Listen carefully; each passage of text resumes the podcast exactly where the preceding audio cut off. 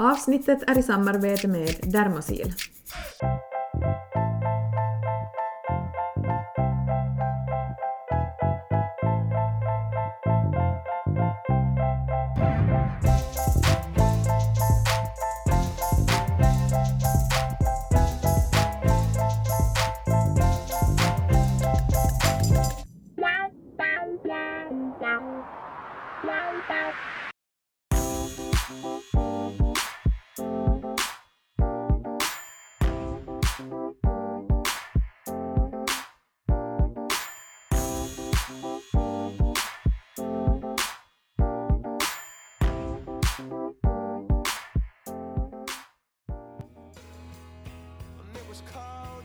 Den 22 i sjunde 2023 så föddes vår lugna, vackra, efterlängtade dotter och lilla syster Chloe. Och nu ska ni få ta del av vår förlossningsberättelse. Nu börjar Julia gråta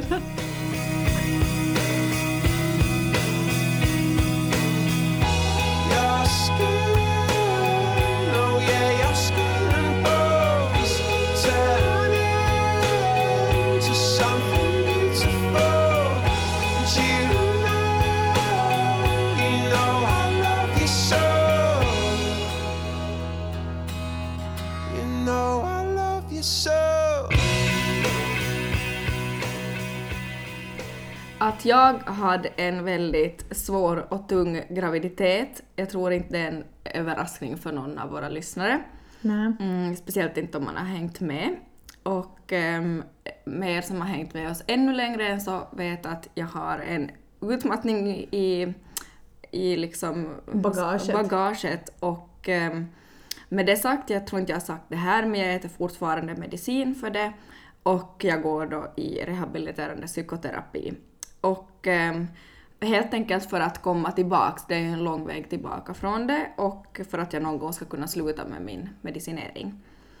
Um, eh, graviditeten överlag, fast den var väldigt tung, rent liksom fysiskt med allt spyande och illamående, eh, så gick helt okej. Vi var oroliga med min terapeut att hur det liksom skulle påverka eh, huvudet, rent, rent ut sagt, då det liksom inte ändå så länge sedan då det kommer någonting till som är väldigt tungt på. Um, men med hjälp av mycket stöd från familj och vänner och, och terapeut och liksom så här så gick det överlag helt okej. Ehm, men där mot slutet av graviditeten så, så då började det liksom barka över där i mitten av sommaren någon gång och då, uh, vad heter det, fick jag en väldigt stor oro över att eh, att jag liksom, när hon väl är född, att jag då skulle, då skulle vara där på burnout igen. Och att jag efter en väldigt tung graviditet inte skulle kunna hantera och kanske inte slippa upp ur sängen och inte kunna känna av glädjen första tiden med min bebis. Och, eh, förlossningsdepressioner drabbar ju jättemånga. Och eh, eh, jag visste ju att jag var i väldigt sådär hög riskfaktor för det. Så jag var jätteorolig och super liksom nojig över hur eh, orkeslös och hur liksom, ja, hur allt hade liksom tagit musten ur både liksom kroppen och psyket.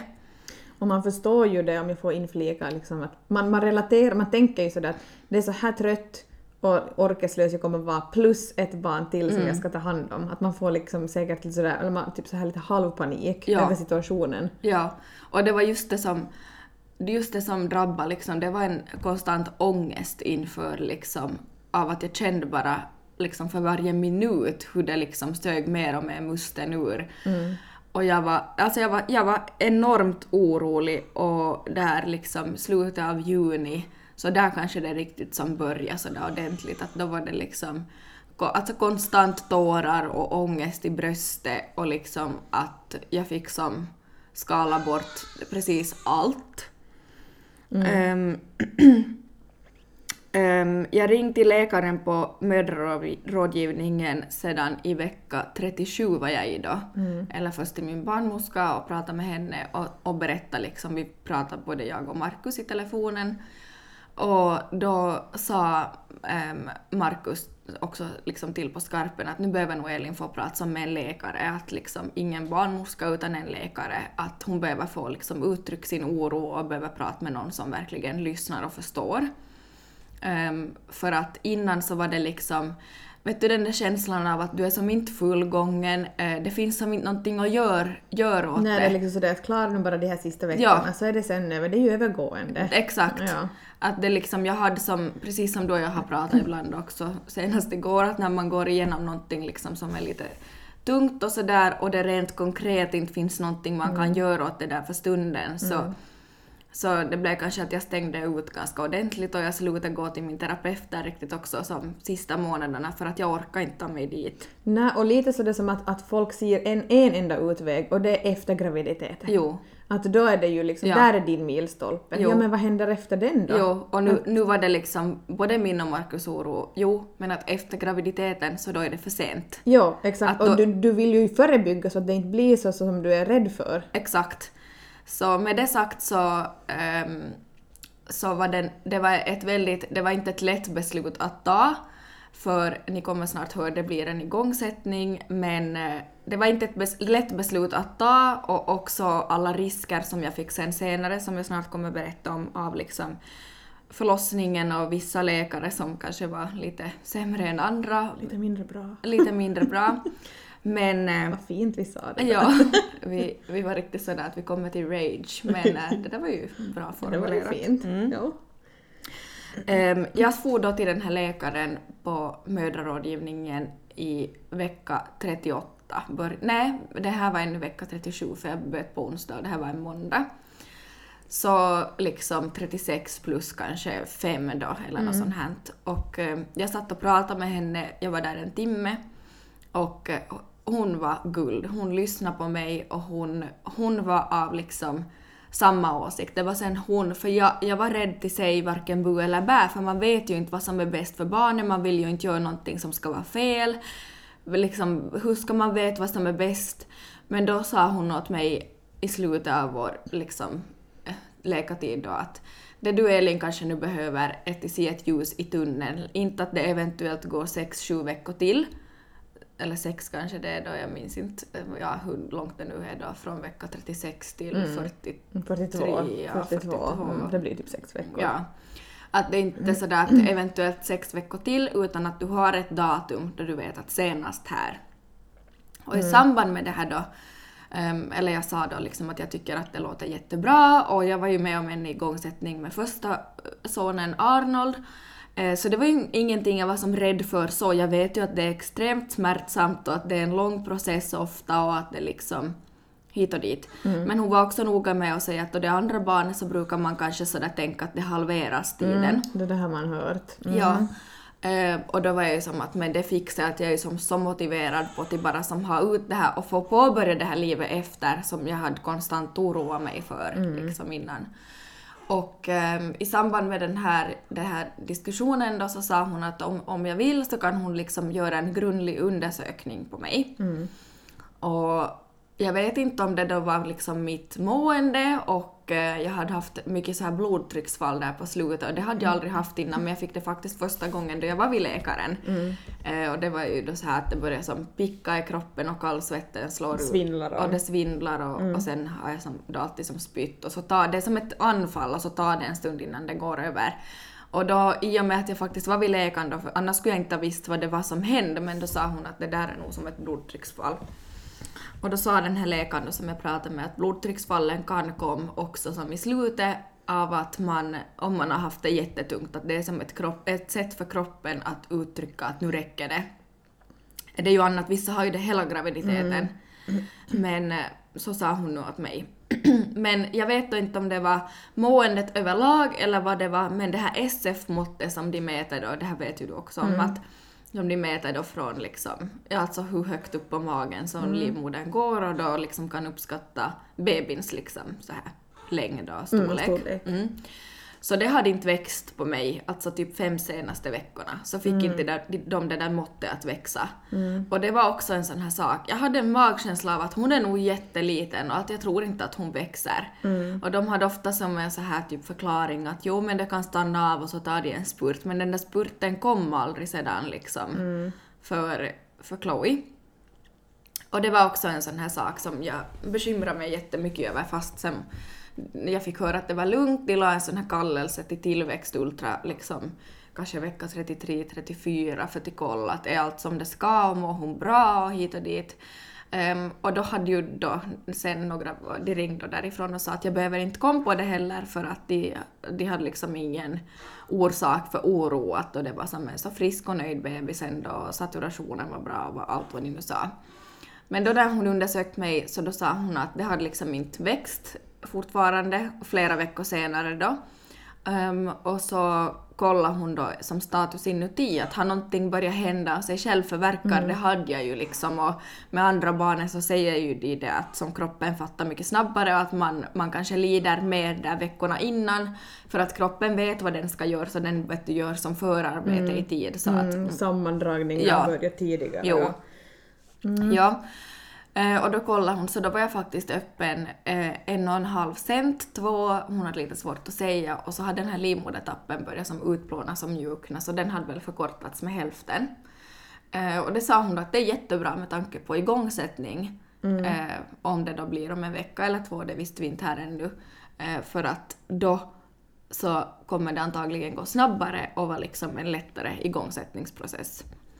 Så så var liksom bakgrunden till det hela. Jag ville bara få det klart så att ingen där ute tror att för att man är lite trött så kan man sätta igång en förlossning, för så är det inte. Inte i Finland i alla fall. Inte i Finland. I andra länder är det fullt möjligt. Exakt, snackar vi USA liksom, Då är det så är 30 liksom- vecka 37 liksom, 100 vi kör. Där är det ju liksom, ja jag vill göra det här och så Ja. är det liksom, Ja. där kostar det vad det kostar och så gör de det. Ja, precis. Bra, bra poängterat Julia. Mm. Ehm, jag fick då, hon den här läkaren som skrev en brådskande kallelse till mödrapolikliniken vid sjukhuset, också samma avdelning där de tar alla ultraljud och sånt här. Och eh, till en chefsläkare som skulle gå igenom och sen ta ställning till igångsättning och när det blir. Och hon sa då att du kan ringa, det här var en måndag, att du kan ringa dit på onsdag och liksom kolla, kolla läget. Att har de fått det och har de tagit ställning till det och sådär. Så det gjorde jag. Jag ringde dit med tårar i ögonen och gråten i halsen och eh, möttes av en barnmorska som då berättat mig att nästa veckas måndag så ska vi försöka få in dig på en igångsättning eh, men att hon behöver ännu som koll ännu en gång till med den där ena läkaren och hon hade då jobbat natt så de skulle ringa tillbaks imorgon. Och så sa hon också men att det är ju som någonstans lite igång av sig själv, att då, eller inte igång igång men att någonting har ju liksom hänt rent fysiskt i din kropp. Så om någonting mer händer liksom före nästa måndag då, liksom om några dagar, så då är det bara att komma in. Nu är Chloe hemma i Julias famn Ja. så att mamma får berätta om när hon kom till världen. Exakt. Hon vill ju vara med i sin Ja. förlossningsberättelse. Eh, och eh, på natten då, så då började mina verkar och då började de eh, på kvällen med Markus, vi var här hemma. Ehm, ehm, Arnold var faktiskt då hos pappa och så började det liksom i ryggslutet och i magen. Och jag visste ju att det är ju inte förlossningsverkar men att nu händer nog någonting. För de höll i sig liksom hela natten. Och ehm, eh, jag fick blodtrycksfall och var spydd och hit och dit. Så nästa morgon så ringde vi till förlossningen och berättade då liksom vad som har hänt på natten och att, att eh, vad de tycker. Och då sa de att men kom in för en liksom check, check-up. Att du är ju ändå andragångsföderska, att du vet ju hur det känns och sådär och att om det nu var i ryggslutet så kom in så kollar vi. Eh, vi for in till förlossningen, vi möttes av en barnmorska, jag låg i den där, en barnmorska, Barnmorskan. jag låg i den där kurvan först och sen så fick jag träffa då läkare. Eh, och läkaren tog då inre undersökning och då hade väl livmodertappen ännu lite mer liksom utplånat så verkarna hade liksom jobbat på det på natten. Ehm, och hon diskuterade med oss och hon, vi sov, jag hade ju liksom om några dagar skulle jag ju bli igångsatt. Och då sa jag att, eh, men att om det nu händer så här hela tiden och jag har så här verkar nu liksom fram tills dess, att jag vill att vi sätter igång det nu då i så fall om det är möjligt. Då konsulterade hon en chefsläkare, vi fick gå ut till väntrummet varpå de kommer in typ fem minuter senare. Och det är här, den här chefsläkaren, alltså, de har, alltså hon hann prata med henne max fem minuter för vi hann verkligen bara ut i väntrummet och så kom de tillbaka och det var ingen annan patient där. Så satt de sig ner vid bordet och så kollade hon på mig och sa att eh, en igångsättning är jätte, jättetuff och den är jätteutdragen. Och när man inte har fött barn förr så vet man kanske inte vad det handlar om. Men det, hit och dit höll hon på. Så jag och Markus kollade på varandra och jag gav han den där blicken av att jag kommer att smälla till någonting nu och tårarna bara börjar rinna. För att för det första, de kom, de kom i en sådär, de var en sådär mör och utsatt från förr.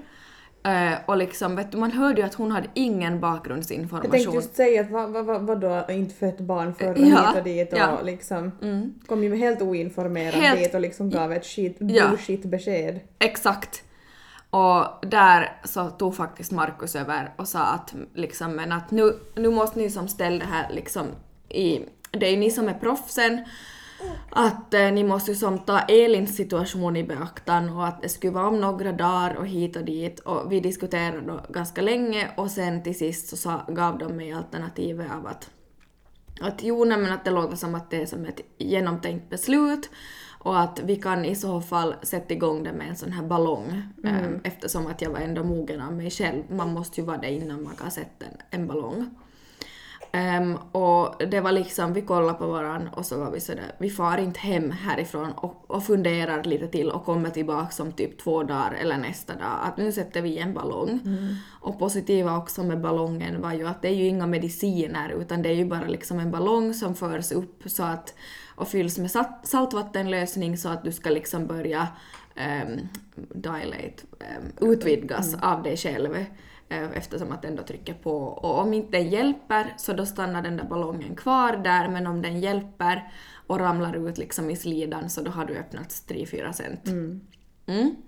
Så de satte in den här ballongen, det tog inte något riktigt sjukt och de fyllde den då till 75 milli med saltvattenlösning. Det där har man hört så olika för jag har några andra kompisar också som Ja. Mm. har fått en ballong eh, och vissa har sagt att det var liksom hemskt, Jo. att det tog jätteont. Det är, liksom, det är så intressant det där hur alla upplever Jo. allting så olika. Så är det. Och också med båda mina förlossningar hur olika, för att jag var så sjuk liksom där nere i förlossningen med Arnold, men jag vet inte, då var jag ju inte heller någon mogen när de måste sätta igång det. Nej. Eh, att då måste de till och med bedöva för att de kunna undersöka mig. Ja, precis. Att det är som så olika, och Ja. nu liksom tryckte de upp en ballong och det var Man så... känner liksom ingenting. Nej. Och då sa de då liksom att nu får jag vara hemma till nästa dag, liksom till morgonen och eh, jag kommer ju få verkar och det kommer säkert att ta sjukt och sådär men att eh, jobba igenom de där verkarna och försök klara dig där hemma med liksom med Markus och att han trycker på ryggslutet och så här att snart kommer du till börja känna en så här molande mensvärkssmärta som sen eskalerar. Mm. Och då man har fött barn förr så kan man ju säga hur verkar känns på riktigt när det väl är igång. Och de här verkarna blev ju sen extremt intensiva efter eh, två timmar, hade jag skrivit upp i mina anteckningar. Så visst, Två timmar efter ballonginsättningen. ja, så då började det, för först var jag sådär okej Markus det här kommer inte att hjälpa, att det här liksom, det här känns inte, att jo det tar ont men att det är liksom, jag vet ju hur, hur sjukt ont det ska ta, att jag ska ju inte klara av att gå och kiss själv utan att du måste komma med. Men hela natten så var det liksom tre, fyra verkar på tio minuter. De höll i sig alltså en och en halv, två minuter. Det var en jättetuff natt men det var liksom också, jag var så motiverad och sådär att vi var sådär att nej, att nu, vi kämpar och så hoppas vi att det gör någonting där nere och jag hade nog en känsla av att det arbetar på för att den där smärtan var, var verkligen alltså intensiv. Ehm, på morgonen då vi vaknade, eller Markus vaknade, jag sov nu inte, ehm, så känner jag att nu är det något kladdigt i min trosa. Eh, blev jättemotiverad, liksom sådär att kanske det har hänt något, tänk om det skulle räcka med bara den där ballonginsättningen. Eh, jag går på vässa och då ser jag att eh, det här måste vara slemproppen. Jag har aldrig sett en slempropp innan för den gick sen väl i förlossningssalen liksom med Mm, Arnold. Mm. Så den hann jag liksom inte jag hade aldrig sett en sån förr och de säger ju att en slempropp går är ju inte ett tecken på förlossning för den kan ju gå liksom... Den kan ju gå långt före. Exakt. Men eh, men jag visste ju att den ska ju gå i något skede så någonting har ju liksom antagligen hänt. Och där också när jag såg det så började verkarna avta och då vet jag att då hade jag hade läst på det på natten att verkarna avtar och, och liksom ofta om, eh, om det är så att eh, den här ballongen har, har ramlat ut. Och då sa de att jag kan som försöka dra i det där, alltså man var ju inte sexig, det var ju som slangar ut från slidan och så fasttejpat på låret. Där redan börjar liksom den där utsattheten för kvinnorna och karlarna liksom ligger och sover skönt en godnattsömn. Åh gud. Ehm, och jag försöker rycka i den lite men det var liksom så ömt så jag vågade inte för jag tänkte att Ja, tänk så nej. sitter den ännu i livmodertappen och jag drar ut den Nej, liksom men och bara oho. Men inte, det var inte något mer med det, vi behöver ju vara in på förlossningen då liksom efter typ två timmar. Så vi, vi for ganska snabbt då, vi åt frukost och så for vi. Och eh, där så tog de emot mig genast, jag kom till det här, liksom, jag behöver inte alls ligga i CTG-kurvan utan då blev jag som inskriven på förlossningen. Och då fick vi ett sånt här eget observationsrum, återigen inte förlossningssalen utan det där rummet som både du och jag har varit i. Ehm, jag nu två gånger, alldeles för många nätter.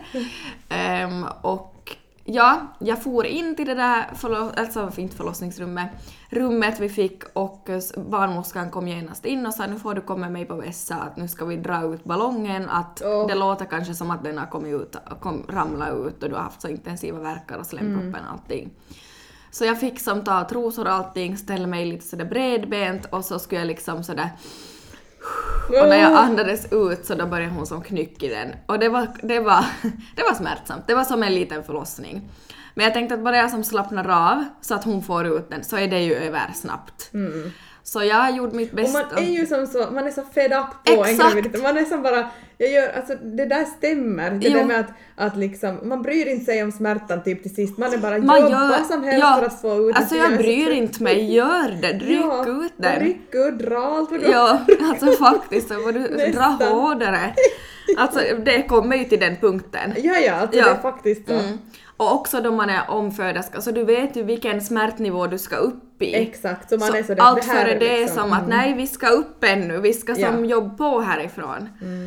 Um, nå, hon fick till slut ut den och så sa hon att den var nog inte i livmodertappen så det här måste betyda att du är öppen 3-4 cent. Mm. Och där så började jag och Markus fira, vi drog en liten segerdans och bara yes att liksom och också någonstans så kändes det som att där dagen innan så hade vi kanske det var lite sådär att om ni nu tror själva att det är det rätta så då gör vi det men att på, e- på egen risk, lite så. Så man var ju hela tiden lite väl orolig att har jag nu tagit rätt beslut, förstår Mm, Förstås, du? och speciellt om en sån här chefsläkare kommer och säger sådana ord Ja. då man redan är liksom lite orolig och, Eh, och liksom ja, känslig. lite orolig. Alltså Exakt. ångestfylld deluxe. Eh, Så där, det kände vi ju liksom var en vinst i sig och så la jag mig på bädden och så gjorde hon då en inre sökning, hon stoppade upp en tops i analen och eh, så här, de tar ju sådana streptokockprover på alla som far föder och, och vi gjorde alla de där procedurerna som man måste göra, alla föderskor. Ehm, och eh, sen så skulle hon liksom känna att var ligger huvudet. Eh, Så förde hon in i fingrarna och sa att ja, det är som att huvudet inte skulle vara lika lågt ner som det var igår. Att jag, jag får liksom inte riktigt som tag i det här med fingrarna. Att vi kände ju huvudet som igår. Att hmm, lite sådär. Men här var det absolut som inte att jag var nå bekymrad överhuvudtaget. Här var jag som på rosa moln för att jag var 3-4 cent öppen. Det är ju ändå helt okej liksom. Och tappen var ut, liksom nästan utplånad och sådär. Så hon hämtade då in läkare och det var samma läkare som var igår men inte den här chefsläkaren utan en, en Tur. mer human läkare. Vad fint vi formulerar det. Väldigt sådär vacker. Ja, ver- verkligen.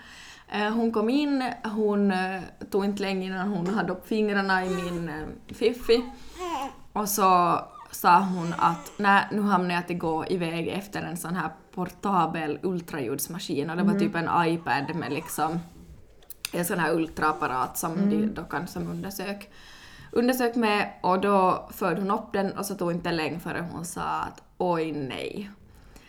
Och här, det här var kanske Man det vill som inte var... höra nej. ett oj nej. Men det här är kanske den föda. komplikationen som liksom var mest dramatisk.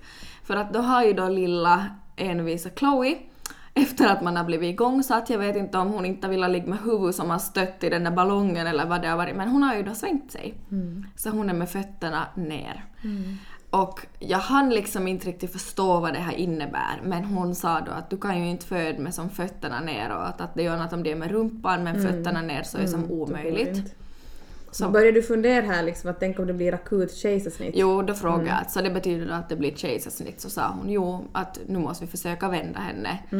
Och då gick hon efter, hon sa att jag behöver hem chefsläkaren. Och då tror jag att jag frågade att inte är det väl samma som var igår?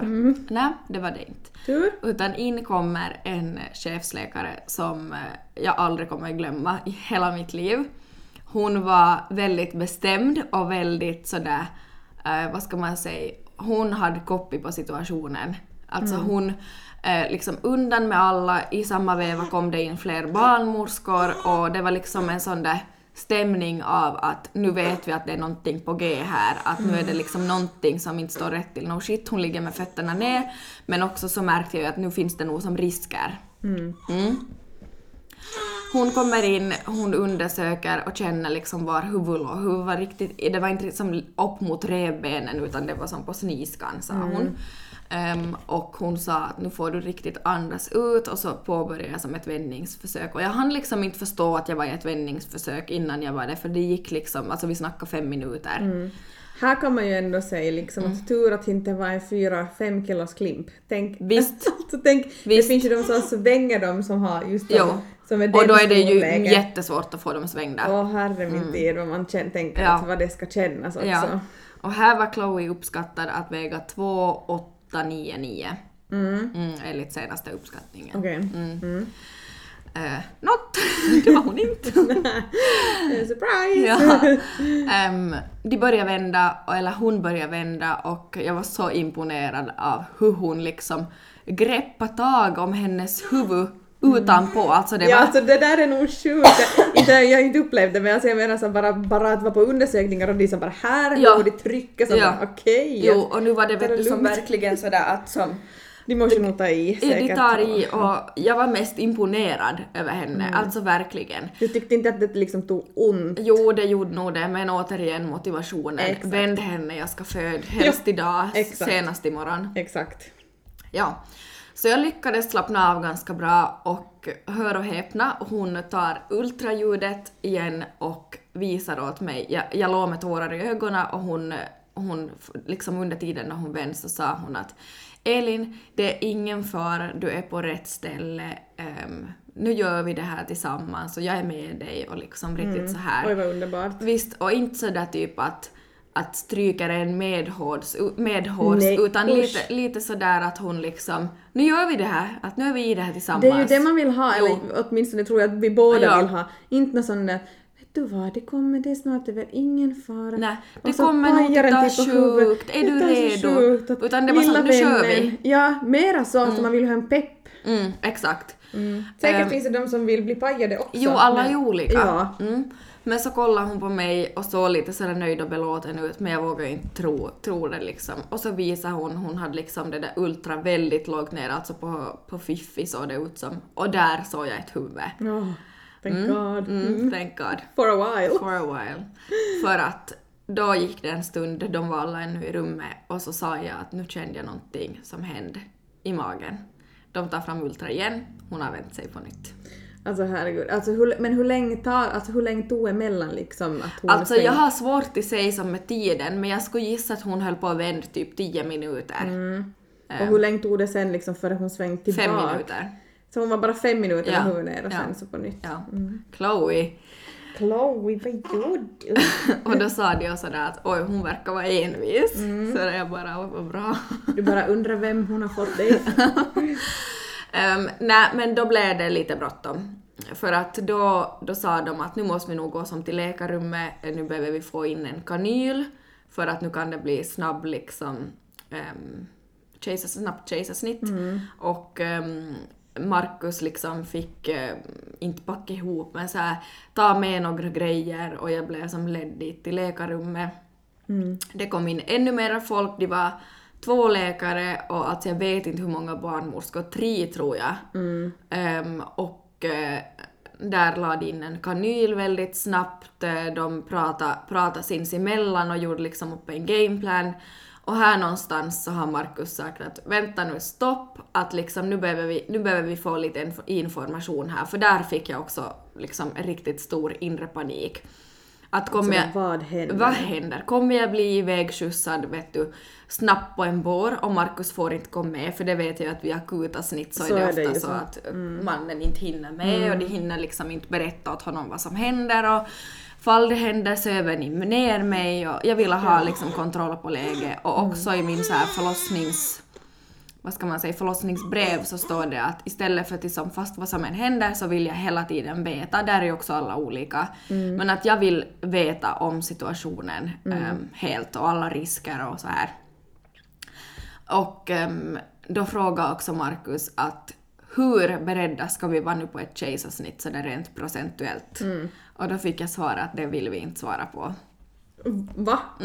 Sa de så? Mm, det sa de och så sa hon chefsläkare. Det tycker jag var bra i slutändan för då sa hon också att du är en frisk kvinna och du har fött barn förr och med tanke på återhämtningstiden och allt så nu tycker jag att vi gör allt för att du ska kunna föda vaginalt och det kan lyckas liksom. Men att nu behöver vi göra det här. Att är du med? Ja. Och, och så här. Och jag sansade mig kanske två, tre minuter.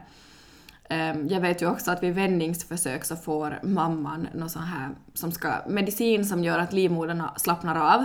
Men något sånt hann ju jag inte få. Så det var verkligen viktigt som med andningen, de följde med med ultraljudet hela tiden för att se exakta positionen på bebisen. Och det var som att alla var beredda hela tiden, så kan jag beskriva det. Mm. Tio minuter senare så var hon vänd igen. Huh. Och eh, då genast så lyfte de upp mig från den där båren och sa nu får du gå ner i en squat. Äh, ursäkta, vem Ja. vad sa vi att vi skulle göra? Ja, så där satt jag med rumpan i vädret i en squat, jag var jättesvag i kroppen, det svajade. För att jag var så, jag hade varit så otroligt nervös insåg jag då, så det var liksom typ svartna för ögonen då jag satt där i Ja, min squat. Ehm, och jag började må illa och så här. Men jag satt där en stund och det var många som var sådär att vad duktig du var, du är nog som smärttålig och det sa också hon läkaren att du verkar som du klarar av smärta bra. Så sa Mm. jag att jo, det gör jag. Att det gör också min son, han har ingen känning. Nej, det har han faktiskt inte. Rullade ner för trappan och sa oj då. Ehm, jo, där var liksom drama, men det gick ju bra.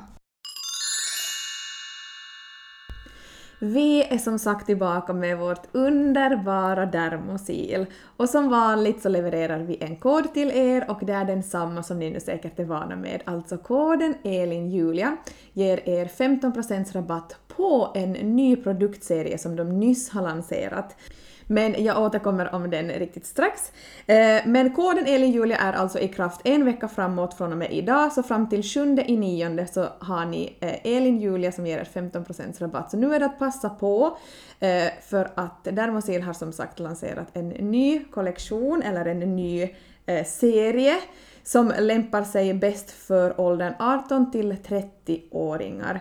Det här är en Youth-serie kallas den för.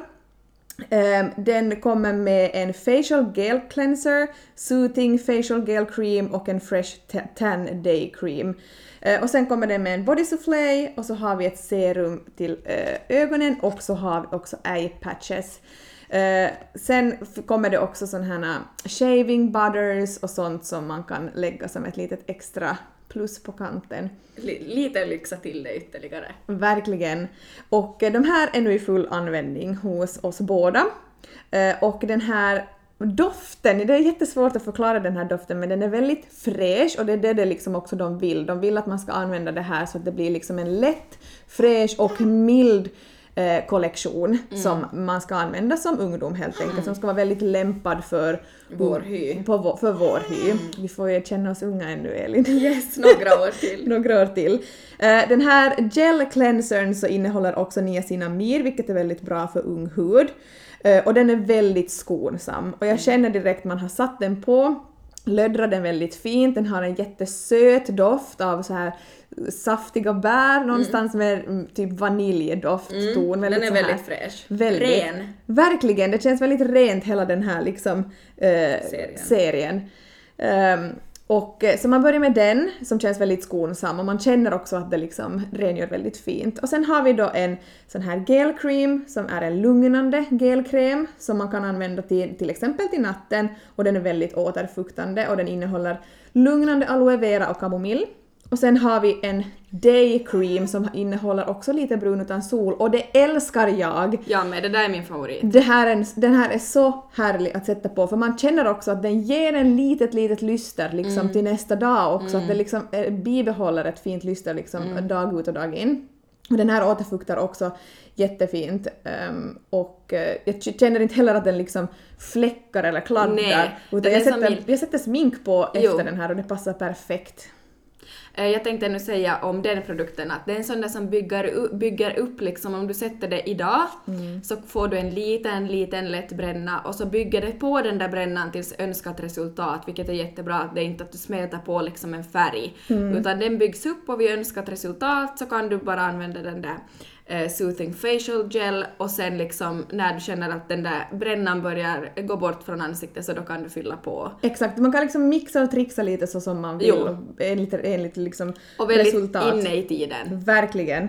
Sen för att pigga upp ögonen har vi både ett eh, serumstick som återfuktar och piggar upp ögonen, väldigt härligt att sätta under ögonen. Och så har vi ju de här energizing eye patches som också innehåller eh, hyaluronsyra och pantenol som faktiskt gör att ögonen blir vakna och poppar och liksom återfuktade.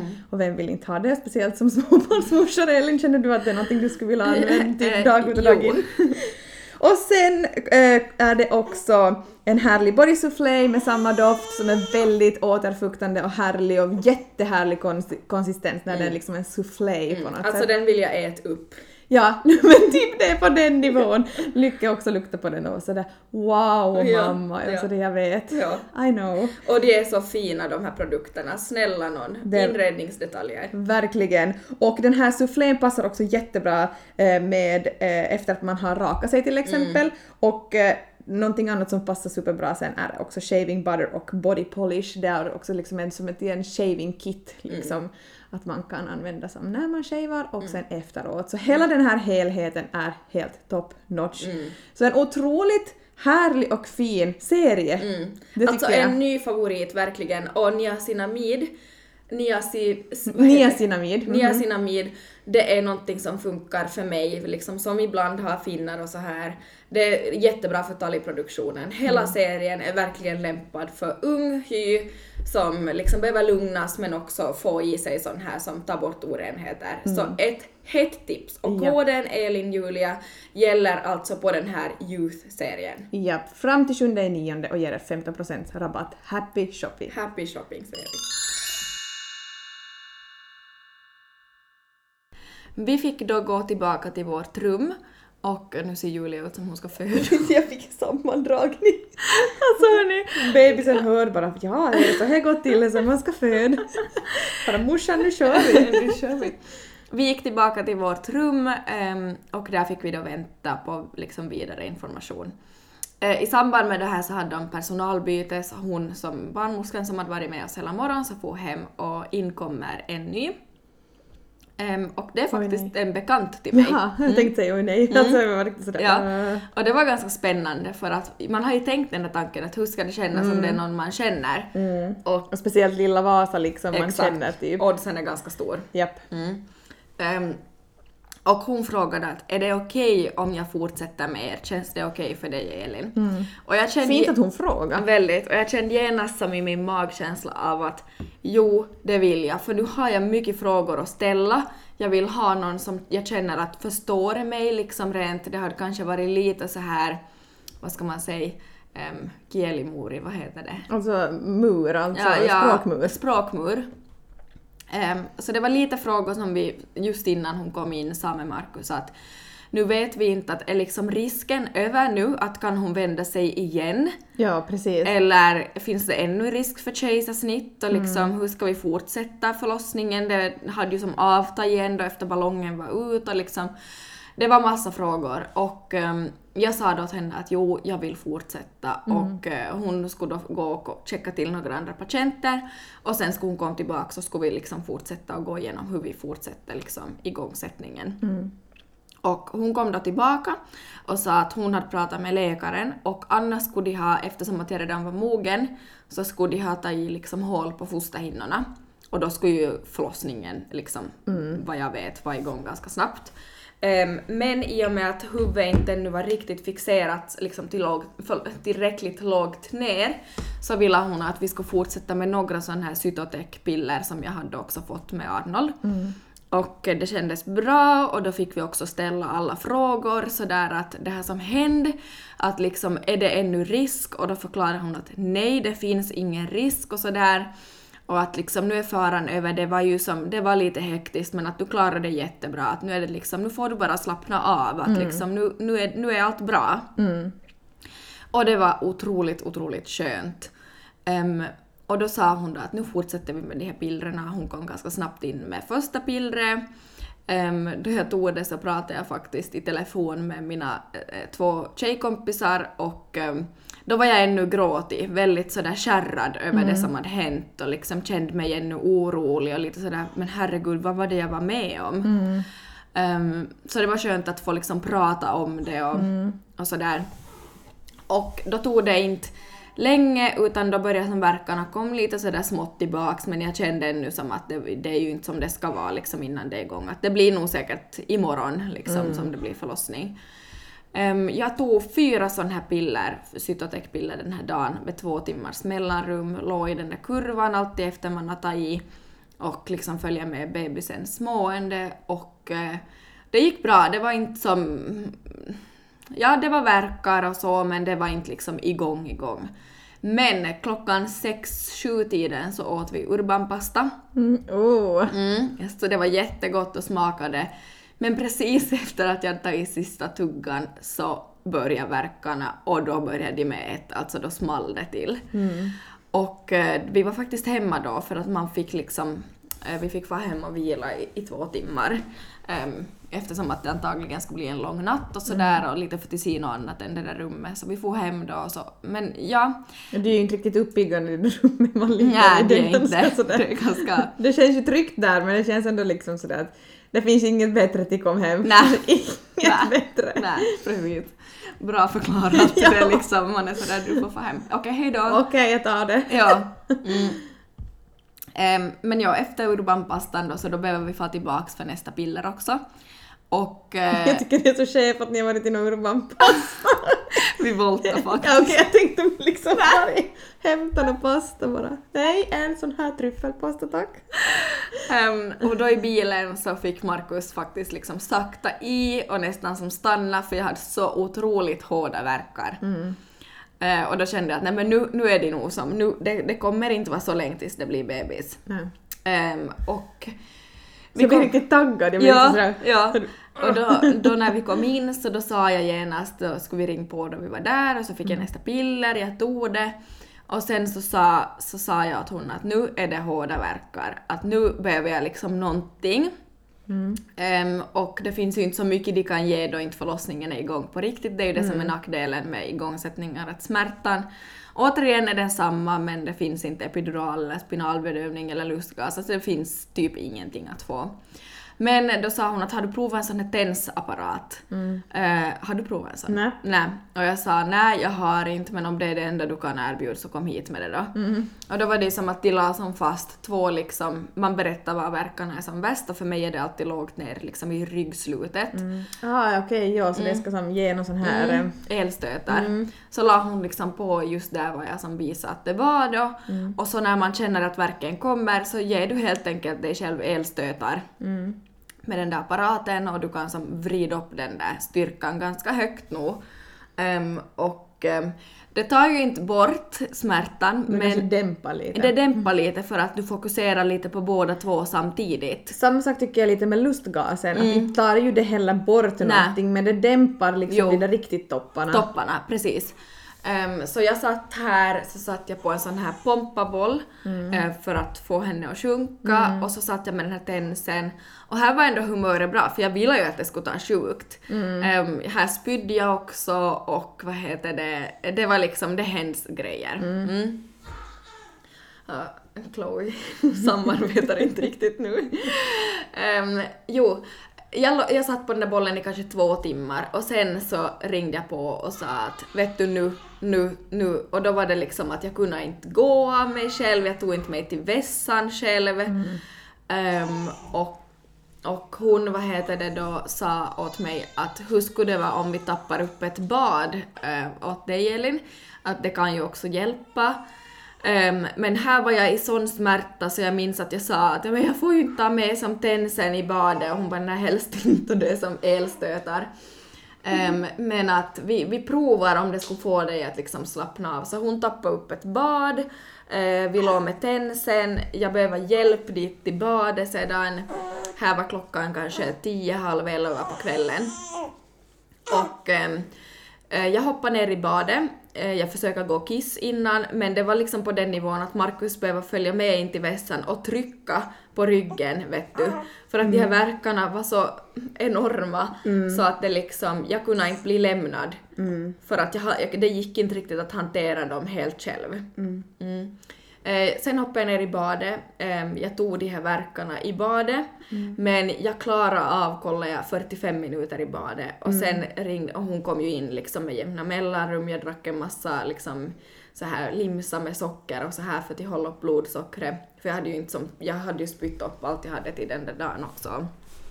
Och visst var det så att du också spydde av verkar? Jo, Ja. och just i badet. Ja, japp. Ehm, jo, men ja, hon kom, eh, jag sa men hur, hur ska jag liksom klara natten att de inte är igång? För då undersökte Ja. hon och sa att du är ännu det här 3 och 4, 3, 4 sen. Alltså det känns för jäkligt när man hör det att man inte har öppnats något mer och man Mm. Har tagit emot Nej. den värsta Ja. verkan. Man bara men alltså, ja. vad ska jag gå vara med om nu då? Exakt. Min tröst här i det här var att när jag hade den här samma smärtan som jag nu var uppe i, så då sa de ju samma då jag födde Arnold att det är ingenting som har hänt, att det är nog länge kvar, att det kan ännu ta någon dag och så här. Men jag visste att, det, att när det väl sätter igång för mig så då kommer det att gå snabbt. Ja. Att det är nog som kroppen jobbar nog på något enormt. Jag visste, jag hade bara som en så här lugnande... Mm, vad skönt att du kände så, att inte du bara fick sån panik där då vet Jag fick sådär. faktiskt inte. Ehm, men jag sa att men nu måste du ringa till läkaren eller någon, någon som kan komma hit med några starkare grejer, att nu, nu behöver jag som någonting. Och då tror jag att det heter för Oxanest. Det är en spruta som de kan liksom ge i, i liksom armen. Och det är någon form av liksom muskelavslappnande eller något sånt där. Och av den blir man ju också alltså väldigt råddig. Ehm, så det fick jag och det fick jag också med Arnold och då minns jag att det svajade så mycket så jag inte hittade till vässan och så här. Men det tar ju liksom bort de där topparna. Och det var så roligt när hon gav den där sprutan så sa hon att nu hoppas jag att om en halvtimme så är du på Ollis. Har du, jag och. ja faktiskt! ja. Ollis är ju då alltså en sån här nattklubb som vi har här. Jag bara, jag ser ju på dansgolvet sa jag typ. Hon bara yes, hon var jättehärlig, hon barnmorskan också. Här hade igen varit byte. Och ehm, då låg jag i två timmar med, det, med liksom den här bedövningen så att säga. Ehm, och sen så kommer hon in och så säger hon, för jag, då låg jag hela tiden i den här kurvan, och så sa hon att du har så enormt mycket, att det var som fyra verkar per tio minut. Att eh, nu skulle hon verkligen, då undersökte hon på nytt och det hade inte hänt någonting. Så sa hon att nu skulle jag verkligen vilja ge dig någonting som tar bort lite verkar så att du får vila, liksom så att du orkar på nytt imorgon. Då sa jag nej, jag vill inte ha någonting som tar bort mina verkar. Att det ska ju göra sjukt. Så sa hon jo, men att om inte de här verkarna gör någonting rent konkret så tröttar vi ju som bara ut dig. Då sa jag nå inte just nu, liksom sådär. Men så kom hon in på nytt efter en stund och bara hur känns det? För då kan det ge någonting som heter för Bricanyl. Och det är väl egentligen en astmamedicin men någonting som de har som kommit fram till att det tar bort liksom, stannar av verk, verkarbetet. Och då frågade jag henne, men att om det är igång på riktigt, att stannar det av det ändå? Och då sa hon att nej, inte om det är igång. Att då stannar inte hästbricanyl av det. Okej. Så då sa jag, nej men att då kan du komma hit med det. Och då satt hon i bricanylen, det var också en spruta i andra armen. Mm, och ehm, det var obehagligt, det var aldrig någonting jag kommer ta igen om jag någonsin föder barn igen. Jo, för att jag har ju en hjärtdiagnos som heter för supraventrikulär takyardi. Och det innebär då, det är inte farligt, men det innebär att jag kan få liksom hjärtklappningar. Ehm, Jag har inte haft det på flera år, men då jag idrottar mycket så kom det mellan varven. Och det är så här, då jag får det så är det ångestfyllt. För att ehm, jag har varit med om situationer där det har liksom tänkt gå dåligt på grund av det. Och det tog inte länge innan jag började känna av att hjärtat liksom slog i 150-160 konstant. Usch. Ehm, och då plingade jag på och sa det och de vet ju förstås, förstås också om på sjukhuset att jag har den här diagnosen och har liksom, är rädd, det var det jag var rädd, det är det jag var rädd för med båda förlossningarna, att om jag får ett sån här påslag av det, att som hur ska jag klara av att föda då och så här. Så då blev jag väldigt sådär orolig och ångestfylld och, och sådär. Mm. Och ehm, jag kunde inte, det, tanken var ju då att jag skulle somna, men lycka till och somnade då var pulsen i Mm, ja, exakt. 150-160. Ehm, och hon, men hon sa hela tiden att det är ingen fara att liksom alla får nästan hjärtklappning av Bricanyl. Att det är som inte är farligt, men eftersom att det är lite betingat för mig med sådär oro och rädsla så hade jag jättesvårt att sl- slappna av. Ehm, och här var faktiskt Markus, för han har astma, till en tröst. För att han sa att, att han, han måste sluta med den där Bricanyl-medicineringen för att han också hade konstant, konstant liksom hjärtklappning. Och det var ju som skönt i vet att okej, nej men Visst, att, att det är liksom helt normalt Ja. men ändå obehagligt. Jo, men det var liksom, och då sa hon att och den håller bara i sig två, tre timmar, att liksom Mm. sen går den ur. Ehm, och det, det avtog ju sen efter en stund. Ehm, sen ringde jag på på nytt, för då började ju det här också näst också gå ur. Och då kom hon som och fyllde på det. Så till klockan sex så klarade jag av ändå som till ligg, ligg och liksom med tensen ta alla verkar och sådär. Men sen började det eskalera och ehm, då kom det en sån där våg att nu fixar inte jag det något mer. Och då hade jag också personalbyte. Ehm, och då kommer in den här barnmorskan som är också min bekant. Och hon hade sagt på kvällen då hon gick hem att om du är här imorgon bitti ännu och inte har fött så kan jag fortsätta med er om, om ni känner för det. Då kommer hon in som en ängel från ovan och säger att hej Elin. Och då sa jag genast att du är inte lika pigg som jag var igår när du får hem. Då sa hon att nej jag har förstått att det har varit som en tuff natt och sådär. Och hit och dit och så liksom får hon och kolla till några andra patienter. Men då så ringde jag på eh, typ genast då frukosten kom in och sa att det finns ingen chans att jag får i mig någonting och nu har jag så otroligt sjukt. Och då hade jag undersökt mig för bara en timme sen. Då undersöker hon och säger att hon måste göra det för att kunna ta ställning till vad jag kan få för Mm, värkmedicin. Hon undersöker och då säger hon att vet du nu är det igång, att nu är du 5 cent öppen och kanalen är helt utplånad. Att nu, nu händer det grejer. Hooray! Ja. Och då fick vi, då fick Markus lämna och packa ihop rummet. Han steg upp från sin lilla luftmadrass och eh, liksom woo! Så här.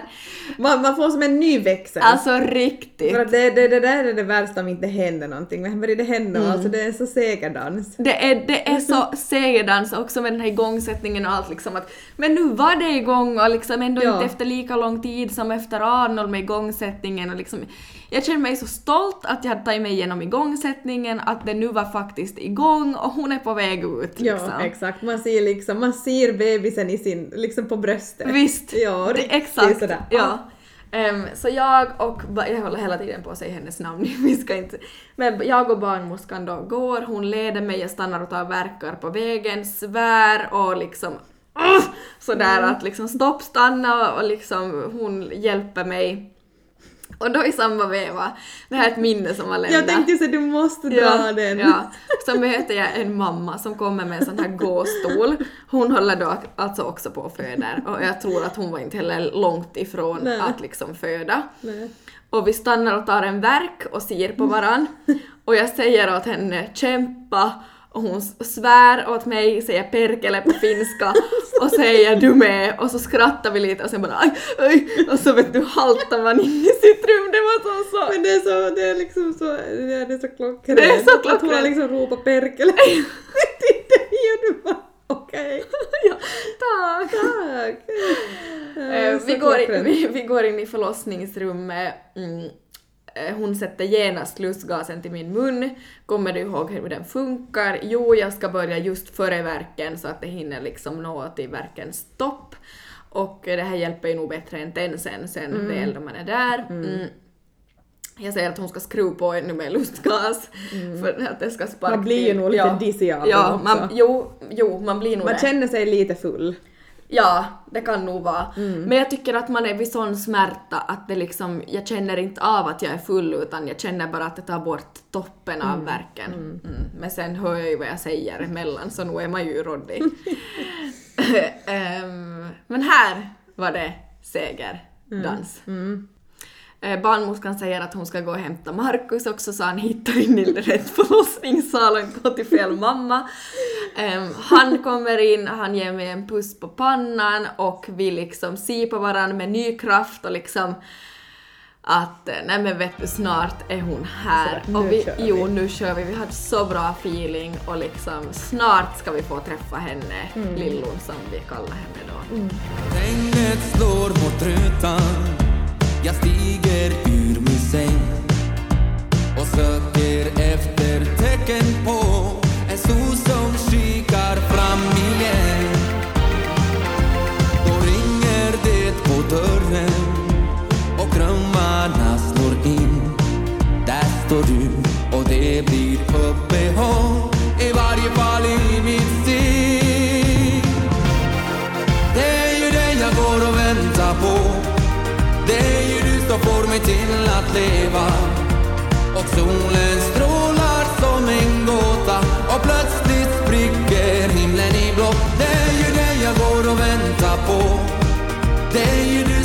mig till att sväva Och om det bara är en dröm Väck inte upp mig då.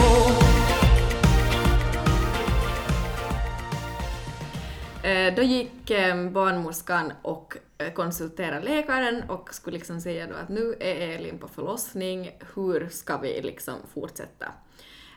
De kommer in och hör och häpna, samma läkare som då, dagen innan har vänt Chloe är ännu på skift. Och hon ska just gå hem, hon har egentligen avslutat dagen, men hon säger att hon vill som hjälpa mig ta Chloe till världen och här kallar vi henne ännu för Lillon, hon har inget namn här. Eh, så hon kommer in och eh, vi är så glada att se varann. Det var liksom ett band där som inte, jag inte kan beskriva. Och hon säger liksom att det var jättebra kämpat och att nu ska hon ta håll på fosterhinnorna och göra en inre undersökning så att hon också känner liksom status. Och hon säger då att jo, nu är det kanske 6 cent öppet, att det går, verkar gå ganska snabbt, att nu tar vi liksom håll på fosterhinnorna. Ehm, och jag ser ju dina verkar här och du har haft väldigt hårda verkar, att hon kan lägga i någonting som heter för spinalbedövning genast. Eh, och det hjälper tydligen bara i en timme. Men att det tar liksom bort verkarna nästan helt, att hennes spina- spinalbedövningar brukar vara top notch. Eh, jag har aldrig förr fått en spinalbedövning så jag visste, jag visste liksom inte så mycket om det. Jag kollade på barnmorskan och hon säger att hennes spinalbedövningar brukar vara toppen för föderskor. Att eh, hon skulle rekommendera. Så då säger jag att jo men att ta vattnet, gör vad du vill och sätt in spinalbedövningen liksom jättegärna. Och eh, hon satt liksom en spruta in i livmodern liksom i båda väggarna på något sätt.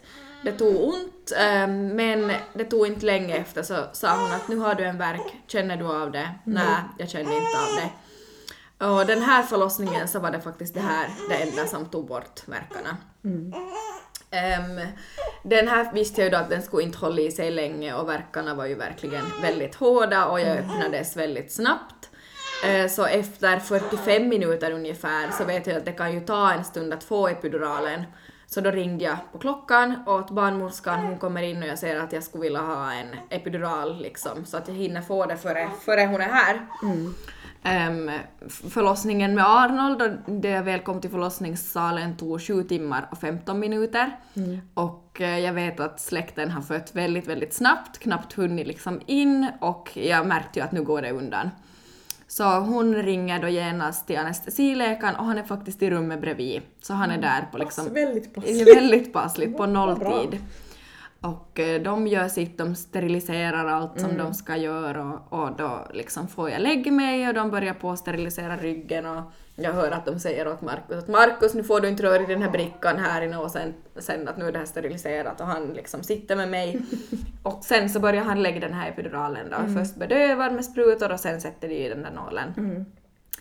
Och eh, skillnaden här från min första förlossning, det hade kommit jättemycket frågor om det här, så var den att jag var otroligt med liksom här i allt som har hänt. Alltså, ehm, jag var liksom inte alls borta från någonting. Eh, Det här Oxanest som jag hade fått i armen hade ju liksom hunnit gå ur.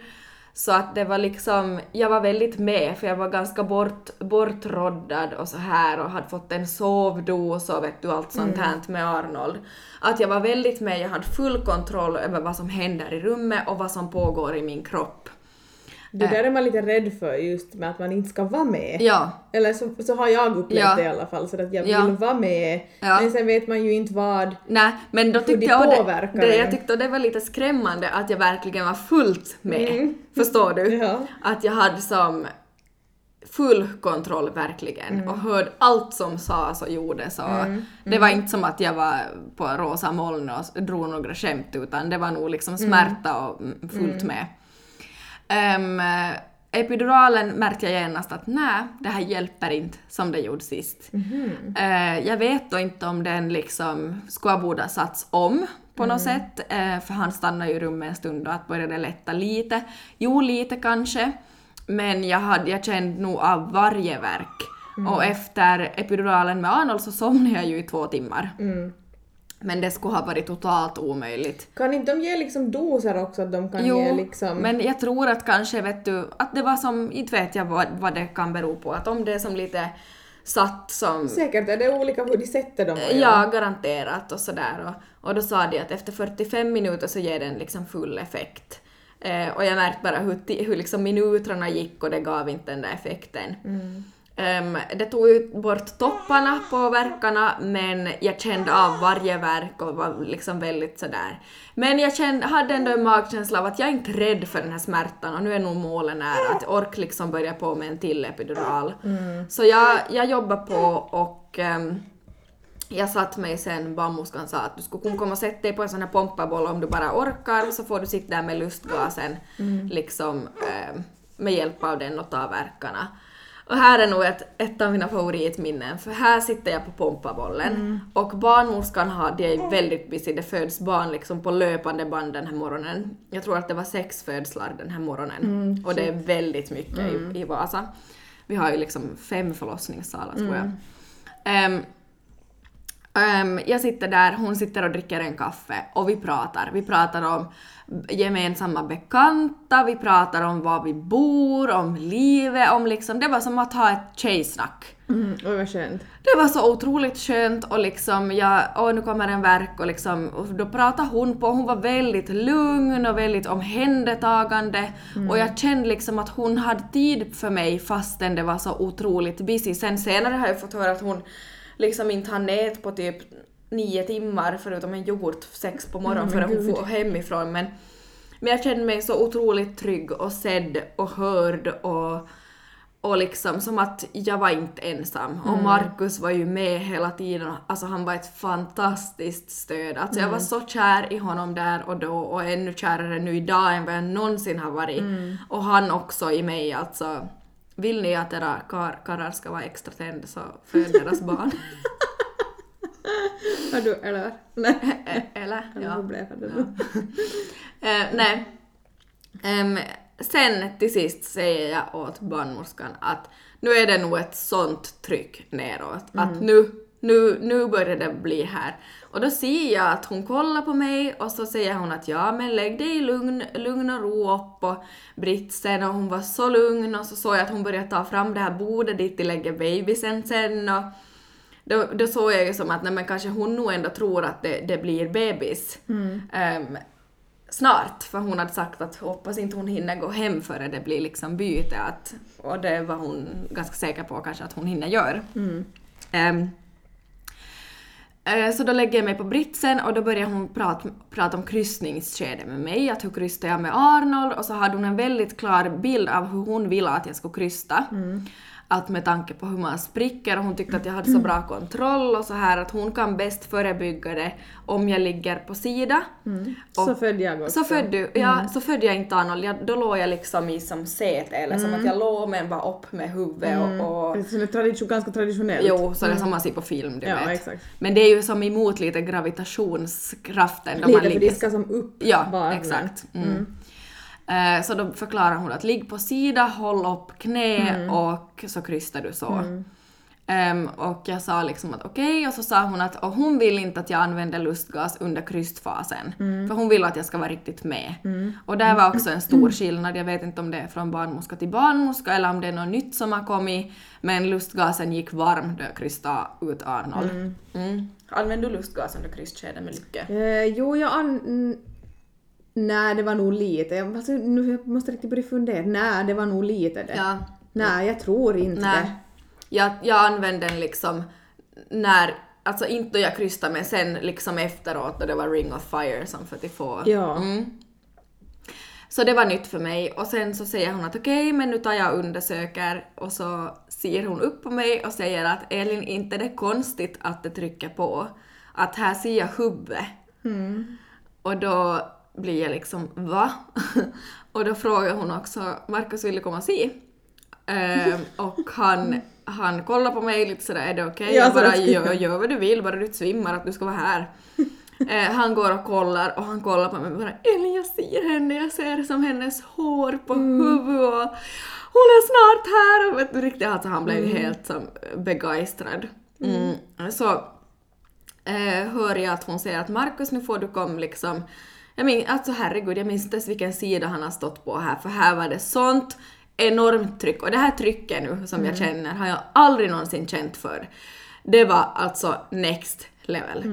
Och ehm, med Arnold också så var jag lite rädd att liksom tryck till för att eh, man är rädd för den där smärtan. Mm, så är man. Mm, Man men- känner att de far ner och så, alltså, Ja. nej, jag ger upp, jag vill Ja. inte, jag vill inte ännu. Mm. Och jag kände den, den kom Ja. som en panik som lite sköl- sköljer över. Mm. Men jag vet ju också med facit i hand att du måste gå igenom det. Och Så oavsett det. om du väntar lite, typ 15 minuter innan du vågar trycka till ordentligt, så kommer du behöva trycka till för att få ut ungen. Så liksom.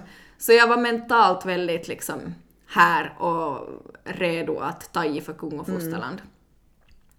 Eh, Hon säger åt mig att okej, eh, nu kan du börja tryck, tryck till lite försiktigt. Jag kallar, till, kallar som på en ny barnmorska för de behöver ju två stycken där inne.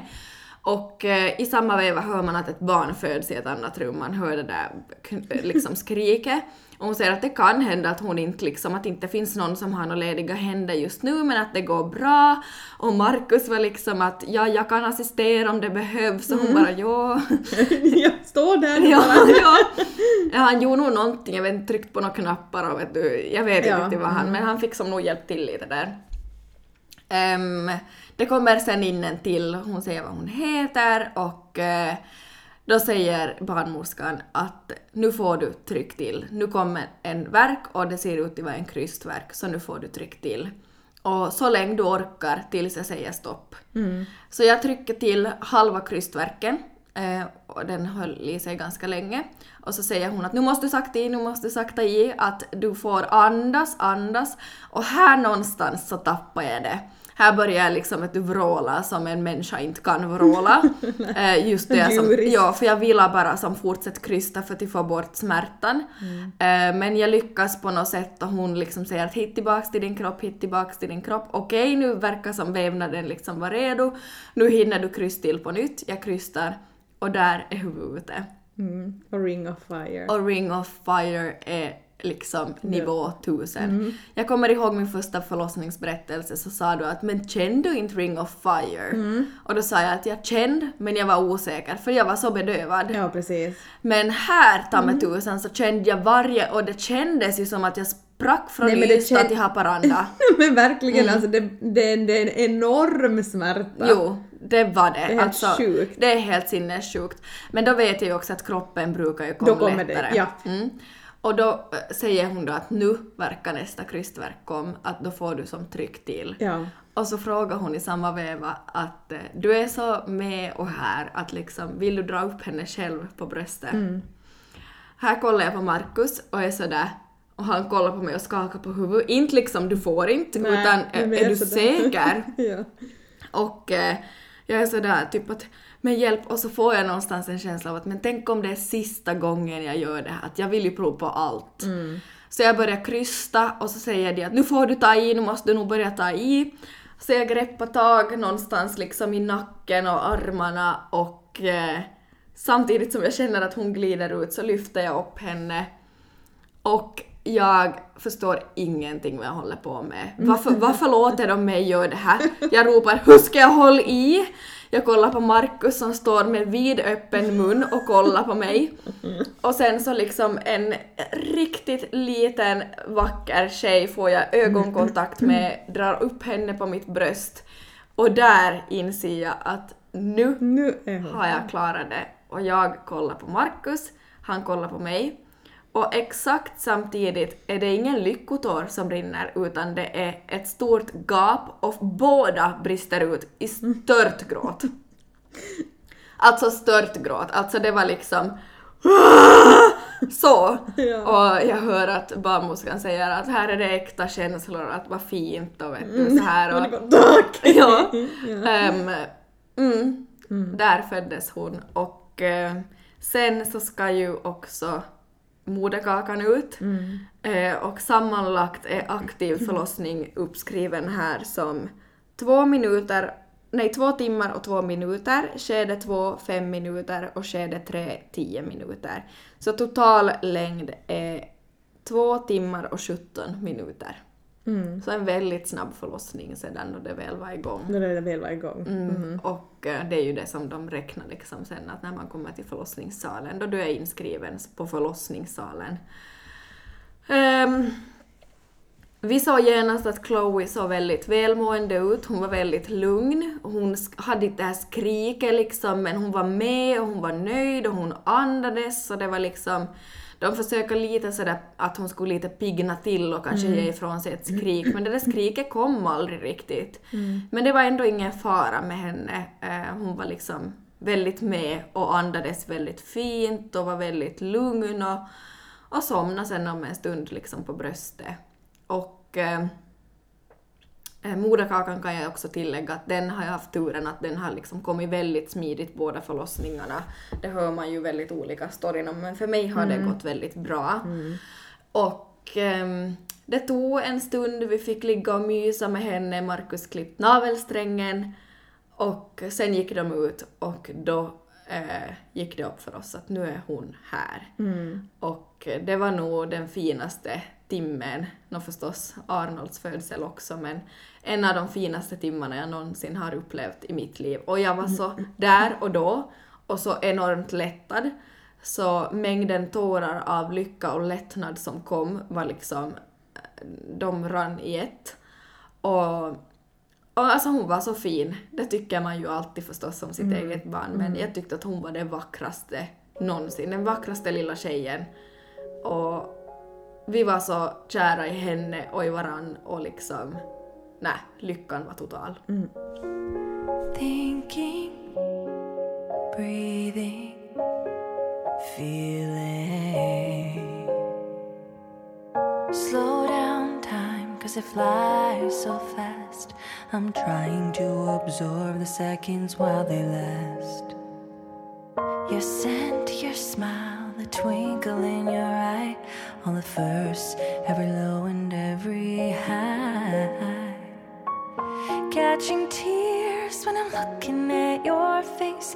You're the best part of me, you are my saving grace.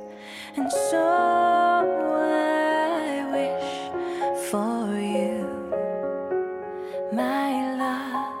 I want you to feel loved, want you to be free, want you to be anything you dream you can be.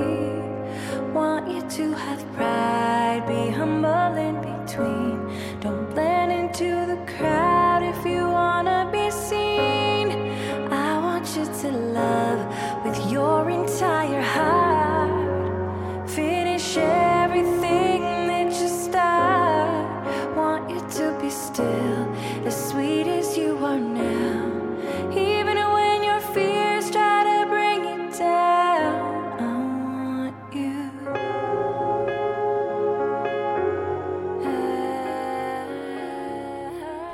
sen två timmar efter att hon var född så kommer de in och väger och mäter och gör allt det här. Och eh, eh, vi såg ju att hon var väldigt liten, eh, de sa nog också det, men hon var ju som sagt uppskattad till 2899 så jag trodde kanske att det var någonstans där. Hennes vikt var 2360 gram, så det var en väldigt, väldigt liten tjej som föddes.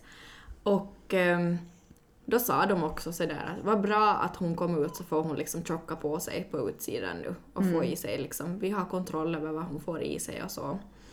Och här var det också när de är så små, om de är under 2500 gram oavsett graviditetsvecka, men också som prematura, så då behöver de ta blodsocker varannan halvtimme och liksom picka i fingret för att kolla att det liksom inte sjunker för lågt och så här.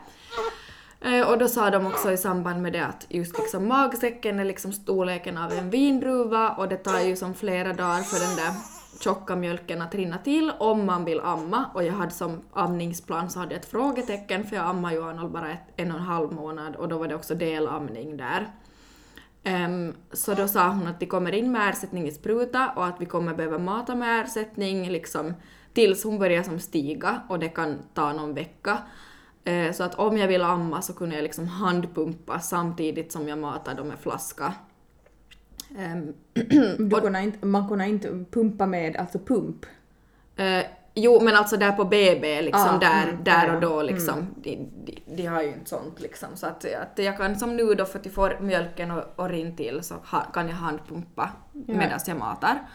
Så att det kommer igång och där och då så sa jag att nej, då skiter vi i amningen. Att ehm, då kör vi med flaska och det kändes jättebra och också liksom eh, det var jättesom skönt i och med att hon var så liten, man förstod att hon var väldigt, väldigt liten eh, på hur de pratade, att eh, då, då har vi också full kontroll över, får hon i sig 5 milli eller 3 milli liksom, man, för det behöver man veta, för de skrev upp exakta mängderna som hon fick i sig liksom, och klockslag.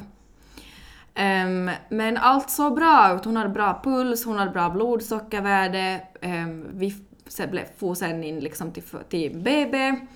Ehm, och först såg det ut som att Markus inte skulle ha fått stanna för att det var så mycket och som andragångsföderska så är man ju liksom läst... eh, liksom, Inte prioriterad. Nej, nej. Ehm, men han fick faktiskt stanna hela tiden för det var folk som blev utskrivna.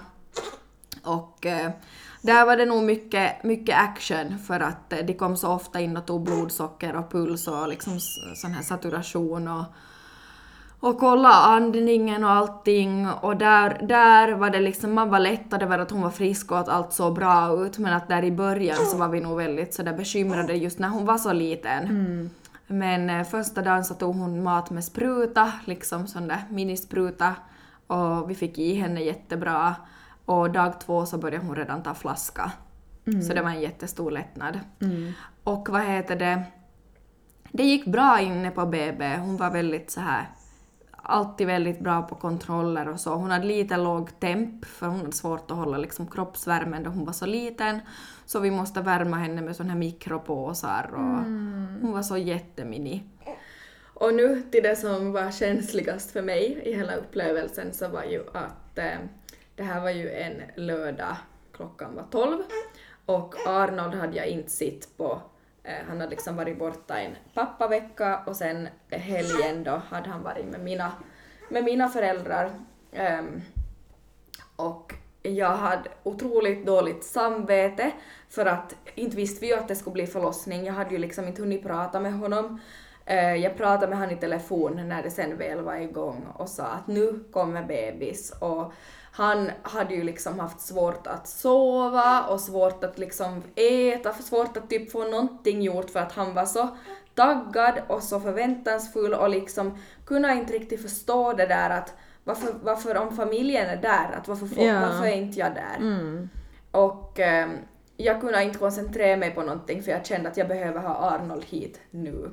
Så samma, samma dag som hon är född så kom mamma och pappa och Arnold dit då vi hade en lucka med alla blodsockerkontroller och sånt. Eh, jag går ner ehm, till liksom, alltså där sjukhuset, Aulan, typ. aulan ehm, och tar emot dem och eh, jag ser att de är på väg liksom lite mot fel gång så jag går ut ur sjukhuset och ropar Arnold och han springer emot mig med armarna brett och ropar mamma! och vi springer och jag får den varmaste kramen någonsin och han är så lättad och stolt och var är lilla syster och eh, han säger också att han har köpt storebrors kläder, han hade en ny outfit på sig. Och så hade han också köpt ett jättefint mjukisdjur åt Lillon, som vi då kallar henne. Och ehm, mm, vi tar hissen upp och han är så otroligt förväntansfull. Vi är liksom fast i varann och alltså jag hade saknat honom så otroligt. Och här rann mina tårar konstant av lycka. Ehm, vi går in till vårt rum för vi hade då ett sånt här familjerum så de fick liksom komma dit. Och då när han får se Chloe så blir han alldeles...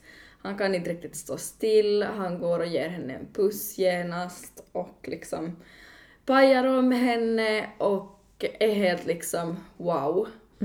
Och här tror jag inte att det var många ögon torra. Det var ett magiskt moment i mitt liv som jag aldrig någonsin kommer att glömma.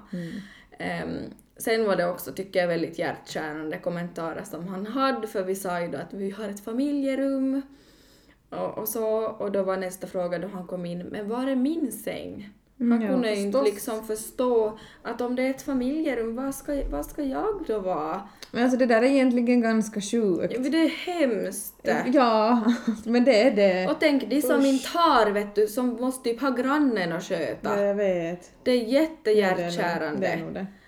Ehm, de var nog där kanske en och en halv, två timmar och vi liksom myst och jag och Arnold låg i sängen och kramades och, och han liksom var så stolt över att vara storebror och när de kom in och gjorde några kontroller och kollade till Chloe så sa han varje gång att det är min lilla syster och Mm, vet så stolt. Mm, Så stolt.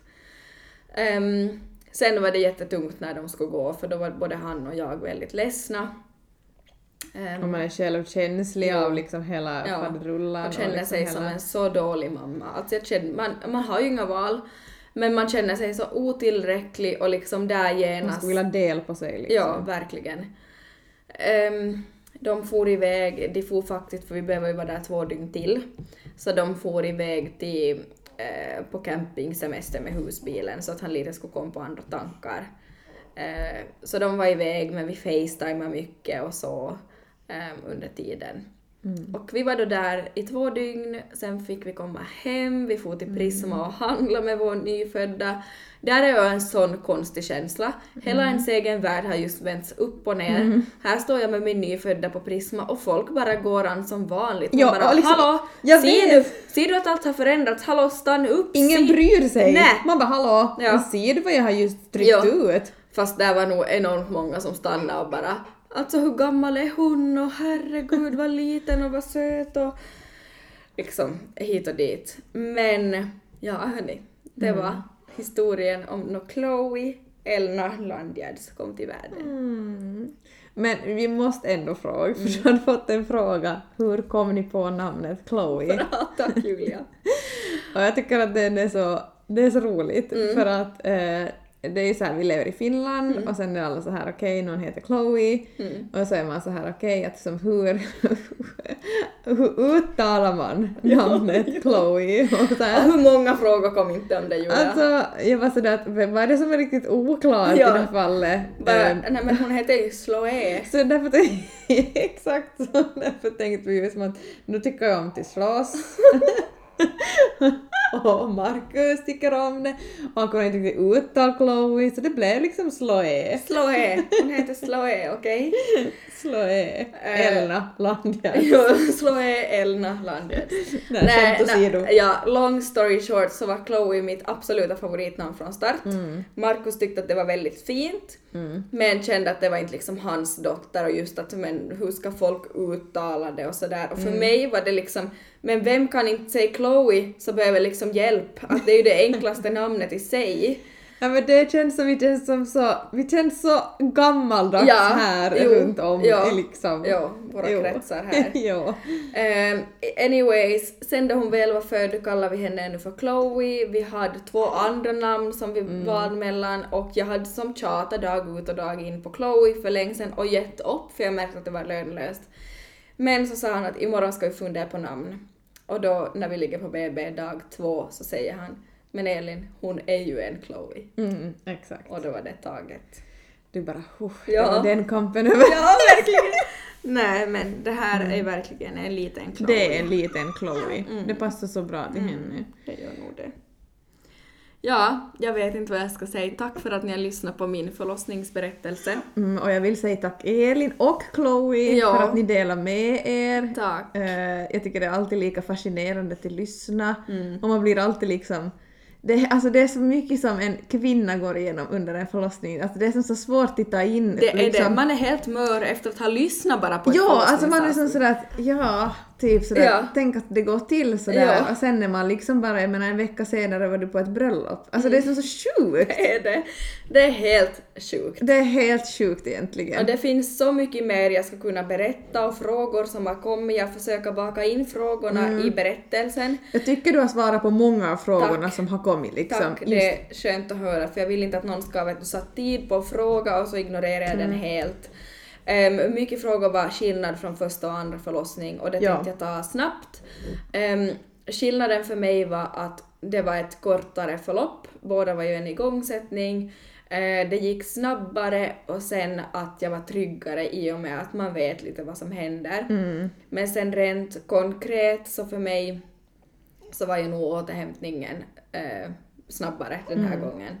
Att hon var ju också förstås liten men eh, jag sprack faktiskt ingenting och fick inga stygn. Det vill jag också understryka att om någon är orolig för det så behöver ni inte vara det för jag gjorde det med Arnold och de flesta gör det och du är återhämtad från det också eh, hoppeligen men alltså oskojat på nolltid. Du glömmer det också.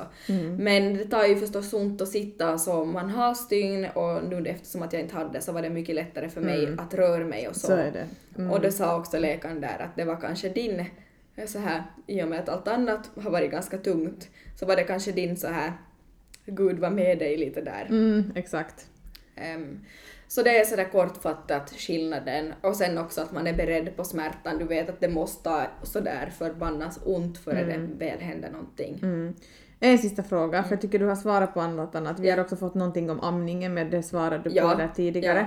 Men här var det en ännu som jag tänker som, som vi kan avsluta med. Mm. Eh, vad hade du gjort annorlunda om du fick uppleva förlossningen igen? Eller finns det någonting du skulle Ja. ha gjort annorlunda? Jag skulle ha sagt ännu mer bestämt åt hon den där läkaren att hon vet inte vad hon pratar om och jag skulle inte ha noja och haft hennes ord i bakhuvudet Nej. liksom sen utan jag skulle ha ännu mer våga bara, nu sa vi ju nog åt henne också, men jag skulle ännu mer ha liksom raderat det och inte haft med mig det för varje gång då någonting var som oj nej eller hon vände sig så var det hennes ord jag hade i huvudet. Hade hon rätt? Har jag Mm, jag gjort fattar. någonting som är farligt? Mm, jag fattar. Alltså usch, sådana som kan komma påverka så mycket. Ja, usch. Men Elin, tack! Alltså tack, tack, tack. Jag är Eh, helt slut. Jag förstår det. Nu får du och Chloe gå och Slå er. och slå ego och vila en Ja, stund. det ska vi. Ehm, och eh, så vill vi ännu påminna om vår kod till uh, Dermosil Elin Julia som ger er 15% rabatt fram till 7.9. Passa Men- på att shoppa och tack till alla som lyssnar. Mm, tack. Wow,